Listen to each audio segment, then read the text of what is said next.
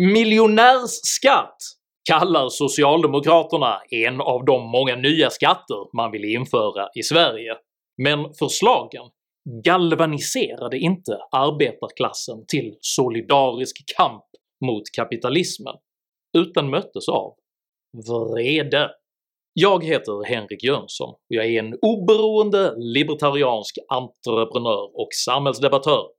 Den socialdemokratiska utredningsrapporten “Fördelningspolitik för jämlikhet och rättvisa” utgår från antagandet att Sveriges klyftor ökat snabbare än i så gott som alla jämförbara länder och att detta måste åtgärdas med omfördelningspolitik. Stämmer verkligen påståendet om Sveriges klyftor? Hur ser den omfördelningspolitik man förordar egentligen ut? Och varför möttes traditionell socialdemokratisk högskattepolitik plötsligt med vrede istället för applåder? Dessa frågor tar jag upp i veckans video. Jag gör inte anspråk på någon form av omfördelning av resurser, utan litar helt på att ni som gillar mina filmer helt frivilligt väljer att stötta mig via något av betalningsalternativen här ute till vänster. Det är endast tack vare ert generösa stöd som jag kan fortsätta att göra aktuella nya videokrönikor varenda vecka, så ett stort STORT tack till de av er som bidrar. Är du ny här på kanalen så kan du dessutom med fördel prenumerera här nedanför och klicka på den där omfördelningspolitiska klockikonen.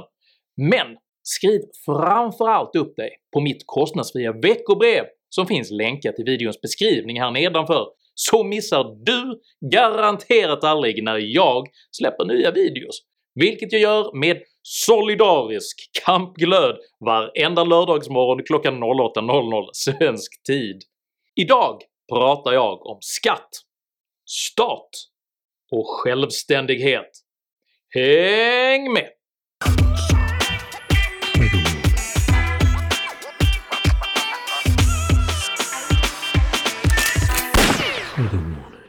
Att ta från de rika och ge till de fattiga är ett motto som tillskrivs den folkloristiska hjälten Robin Hood. Devisen har i modern tid kommit att användas som ett kulturhistoriskt alibi för revolutionär omfördelningspolitik. Denna publikfriande projektion av 1900-talssocialism på medeltidens England har dock ingenting med verkligheten att göra.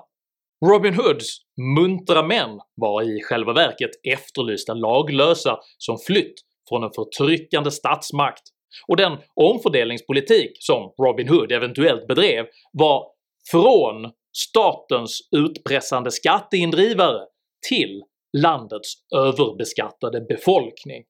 Det kan således sägas vara klokare att fråga folket självt vad de anser sig behöva, snarare än att tvinga på dem ideologibyggen som de inte efterfrågar. Något som kan sägas gälla Robin Hoods egenmäktige prins John i lika hög grad som dagens svenska socialdemokrati. För den 28 maj i år presenterade nämligen socialdemokraterna det nu hårt kritiserade ideologibygget “Fördelningspolitik för jämlikhet och rättvisa”. Socialdemokraterna å andra sidan har gjort det tydligt att de vill höja kapitalskatterna. Rapporten tar avstamp i föreställningen om att Sverige förfallit från att 1980 ha varit världens mest jämlika land till att idag präglas av klyftor som sägs öka snabbare i Sverige än i så gott som alla jämförbara länder.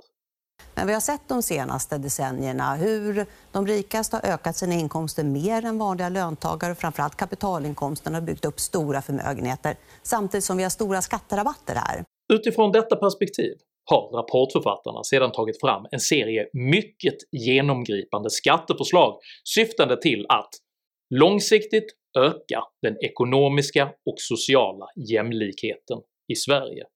Problemet är att varken problembeskrivningen, lösningsförslagen eller rapportens ideologiska ambition är verklighetsbaserade, för ytterst handlar allt om att överföra makt från Sveriges medborgare till staten genom höjda skatter.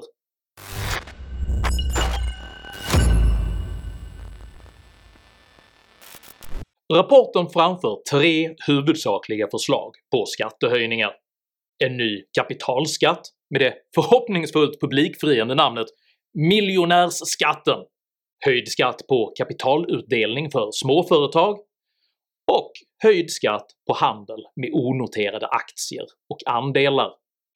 Nyckelorden miljonärer, utdelning, aktier är omsorgsfullt utvalda för att återupprätta en höger-vänster-konflikt lagom till valrörelsen, varigenom socialdemokraterna hoppas uppvigla en förflackad arbetarklass till solidarisk kamp mot kapitalismen. Eh, och så att man själva samtidigt ska slippa diskutera Sveriges verkliga problem.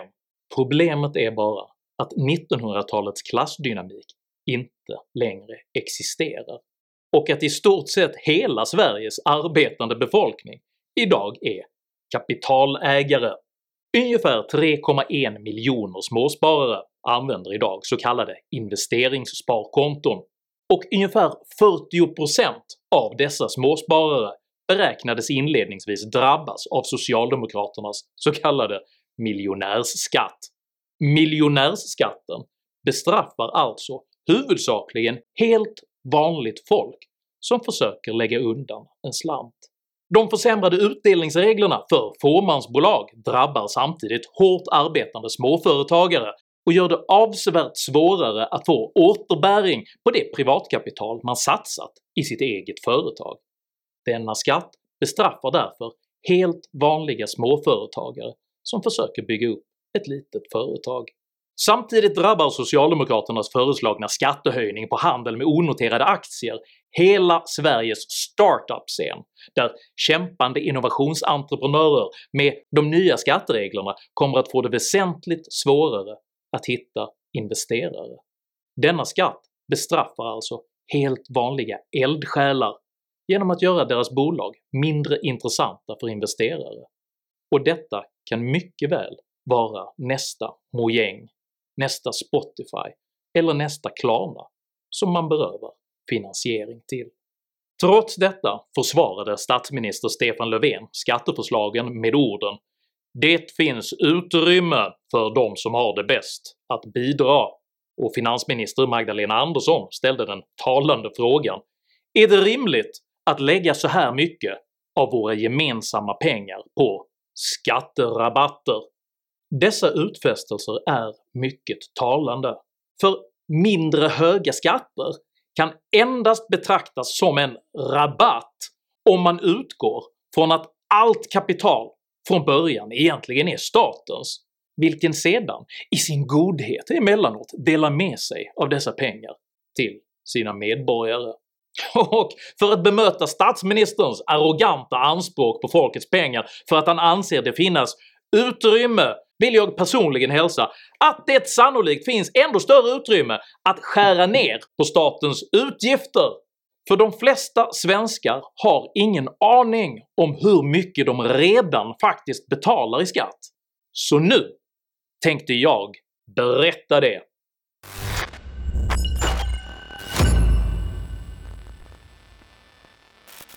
Den svenska genomsnittslönen uppgick 2019 till 35 300 kronor. Men, stopp där! Denna lön har faktiskt redan beskattats på ett uppsåtligt dolt sätt genom den så kallade arbetsgivaravgiften. Själva namnet arbetsgivaravgift är medvetet valt för att dölja det faktum att det faktiskt är en individuell skatt, för det rör sig inte alls om någon avgift på arbetsgivaren. En del av denna skatt går till olika typer av försäkringar som staten anser att du som medborgare måste köpa, men den enskilt största posten kallas allmän löneavgift och är faktiskt ingenting annat än ren beskattning. Detta innebär att genomsnittslönen på 35 300 kronor egentligen är 46 391 kronor, där staten utan att redovisa det för löntagaren redan har krävt ut 11 091 skattekronor innan du ens visste om att de fanns. Efter detta dras kommunalskatten, eller vad som normalt brukar kallas inkomstskatten. Nu försvinner, beroende på vilken kommun du bor i, ungefär 11 066 kronor till, och vi har således kvar 24 234 kronor. Efter detta återbetalas ett par tusenlappar i form av två olika jobbskatteavdrag och sedan så tas en begravningsavgift och en public service-avgift ut på ett par hundralappar, vilket gör att vi landar på en nettolön av 26 843 kronor. Men det slutar inte där, för när du handlar så betalar du nämligen skatt igen Räknar vi in ett schablonbegrepp för moms och så kallade punktskatter försvinner i genomsnitt ytterligare 19%, vilket betyder att det nu finns 21 742 kronor kvar av din ursprungliga lön på 46 391 kronor. Alltså betydligt mindre än hälften. Om du sedan placerar denna kvarvarande lön på ett investeringssparkonto vill finansministern enligt sitt ursprungliga nya förslag även beskatta allt detta sparkapital över 100 000 kronor med ytterligare 30%. För det här är ju redan beskattade pengar som Socialdemokraterna nu återigen då vill höja skatten på. Det är fel. Om du sedan tar ut återstoden av detta sparkapital och investerar det i ett företag beskattas du vid utdelning av kapital från företaget ytterligare 30%. I korthet innebär detta att du som svensk medborgare beskattas varenda gång du tjänar eller använder dina pengar.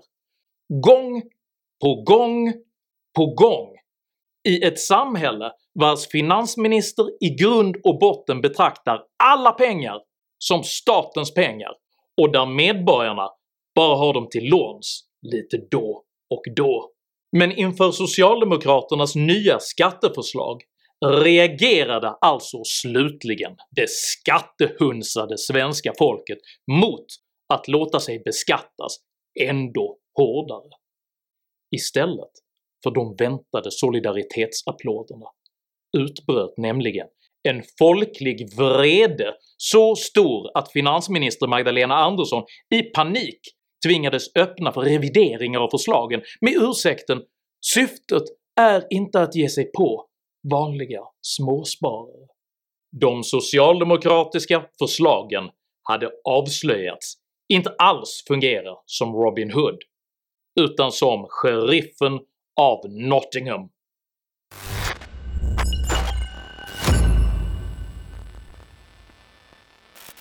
Även rapportens själva grundpremiss är ohederlig, för föreställningen om de ökande svenska klyftorna står inte längre mellan fattig och rik, utan mellan de som försörjer sig och de som inte försörjer sig. Faktum är att Statistiska centralbyråns senaste siffror visar på en höjning av samtliga inkomstklassers intäkter de senaste 50 åren och att löneskillnaden mellan dessa inkomstklasser faktiskt har minskat något. Men samtidigt överskrider nu antalet utrikesfödda som inte kan försörja sig själva 700 000 personer, vilket alltså motsvarar ungefär 14% av hela Sveriges arbetsföra befolkning. Detta är den klyfta som växer i samhället. För försörjningsstödet är inte tänkt som en karriär och följer därför inte den produktiva befolkningens löneutveckling. På grund av detta ökar den relativa fattigdomen för det växande antal personer i Sverige som lever på försörjningsstöd. Detta är också den klyfta som växer inom socialdemokratin, vilken gradvis utplånar väljarnas benägenhet att acceptera skattehöjningar som lite diffust motiveras med att man ämnar stärka jämlikheten. För allt fler uppfattar att de pengar man betalar in till trygghetssystemen inte längre kommer dem själva eller deras närstående till godo, utan att dessa pengar förbrukas på försörjning av en växande grupp icke-arbetande människor. Detta är den konkreta manifestationen av ett brutet samhällskontrakt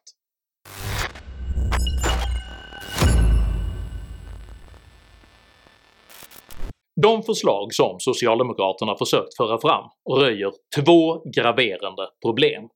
För det första att partiets omvärldsanalys nu är så verklighetsfrånvänd att man saknar förmågan att förstå sina väljares verklighet. För det andra att man är helt renons på verkliga idéer för att hantera Sveriges situation.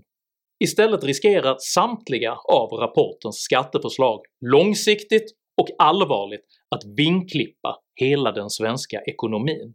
För beskattning fungerar som en avskräckande piska vilken sedan urminnes tider har tillämpats på fenomen som staten på olika sätt önskar bekämpa. Man höjer skatten på cigaretter för att man vill att folk ska sluta röka. Man höjer skatten på bilar för att man vill att folk ska sluta köra. Och höjer man skatten på sparande och företagande, då sparar folk mindre och det startas färre företag. Och dessa skatteförsämringar drabbar inte huvudsakligen miljonärer. De drabbar inte ens huvudsakligen småsparare och småföretagare även om de är del i mixen, det drabbar huvudsakligen hela samhället som blir fattigare med färre arbetstillfällen och med färre nya produkter, varor och tjänster. För 80% av alla nya jobb skapas i små och medelstora företag. Små företag bidrar med den enskilt största delen av Sveriges totala BNP, och små företag är de verksamheter som har störst relativ tillväxtpotential. Och samtidigt som socialdemokraterna vill bestraffa den produktiva delen av ekonomin så vill man belöna den del av ekonomin som försörjs av bidrag.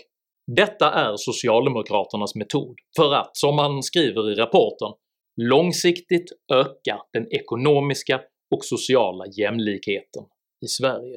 För Sverige blir faktiskt mer jämlikt om den arbetande delen av befolkningen blir fattigare och således relativt minskar det inkomstmässiga avståndet till den bidragsförsörjda gruppen.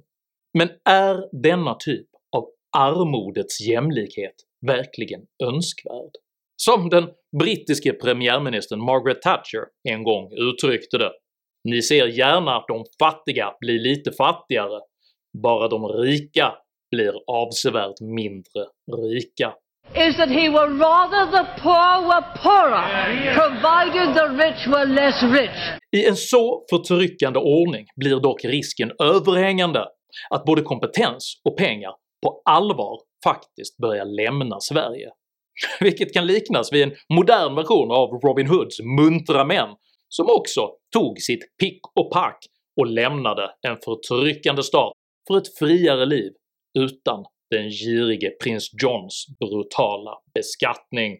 Anser du att folk i allmänhet vet bättre vad de bör göra med sina egna pengar än vad staten gör? I så fall tycker jag att du ska dela den här videon med dina vänner, och varför inte prenumerera på min YouTube-kanal när du ändå är i farten? Har du egna upplevelser av bidragspolitik, omfördelning och beskattning? Och det finns väl i ärlighetens namn inte en enda svensk som inte har erfarenhet av just detta? Dela i så fall gärna med dig av dina erfarenheter i kommentarsfältet här nedanför. Jag uppskattar all respektfull kommunikation. Kom dock ihåg att alltid vara artiga även mot era meningsmotståndare. Jag accepterar inte aggression, rasism eller några personpåhopp i mina idédrivna kommentarsfält. Tack för att du som kommenterar respekterar detta. Jag heter Henrik Jönsson och jag tror att medborgarna sammantaget är klokare än staten.